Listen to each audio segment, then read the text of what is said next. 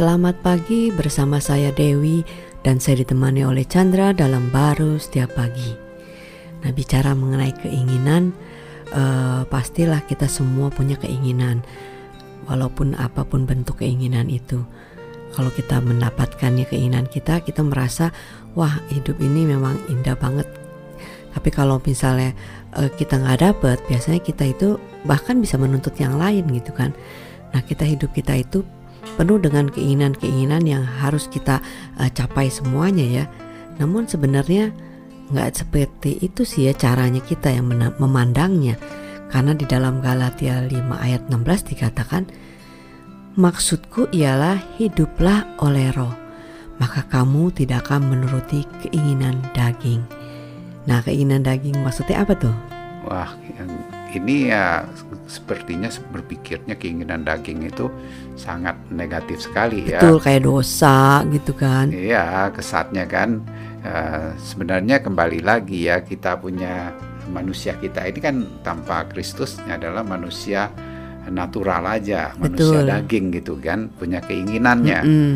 nah, keinginannya itu ya uh, uh, sangat uh, tidak bisa terpenuhi uh, terbatas saja. Apa pun bentuknya keinginan Apa pun itu. bentuknya ya kan uh, tidak pernah bisa puas, bahkan bisa nuntut kalau berhasil uh, mengukur orang lain dari keberhasilannya sehingga menghakimi orang lain kan ya, dan menuntut, menuntut orang ya, lain. Betul. Kalau nggak berhasil ya nuntut diri di kita atau terhukum pada diri kita. Hmm. Uh, pada prinsipnya sih ya sekuat-kuatnya kita ya kita tidak bisa uh, memenuhi Eh, kehidupan kita yang bak yang sudah mati kan karena hmm. dosanya itu dan kita nggak bisa benar sebenarnya tuntutan yang terbesarnya keinginan daging itu ada di situ hmm. nah, sehingga ya uh, apa pun bentuknya uh, dari segi pencapaian keberhasilan hmm. itu tidak pernah bisa memenuhi ya tapi kita terus tertuntut oleh kekuatan diri kita maksudnya pada, maksudnya kalau yang sudah berhasil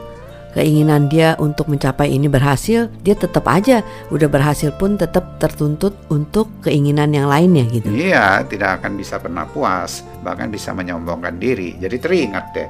Ingat tuh Raja Nebukadnezar itu. iya, iya, iya, iya. Iya, dia berpikir ya, lihat nih, aku ini uh, seorang raja yang sudah di mana, mencapai luar biasa. Iya, itu seluruh dunia mengakui dia kan. Hmm. Dia bilang aku ini perkasa sekali gitu kan.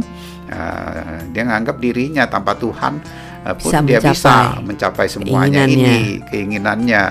uh, akhirnya ya kita tahu uh, oke okay, kalau gitu coba aja. Tuhan bilang aku nggak ada. Eh dia bukannya uh, tetap berjaya. berjaya bahkan dia menjadi gila gitu ya.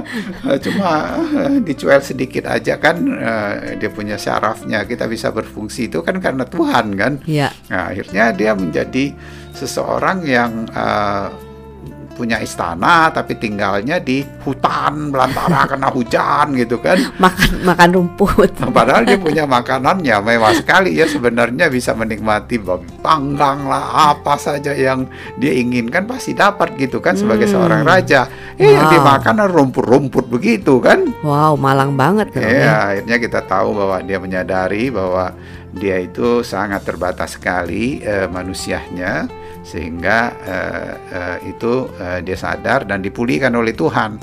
Nah, itu kan gambaran bahwa manusia itu keinginan dagingnya itu sangat terbatas dan tidak bisa terpenuhi hmm. kan.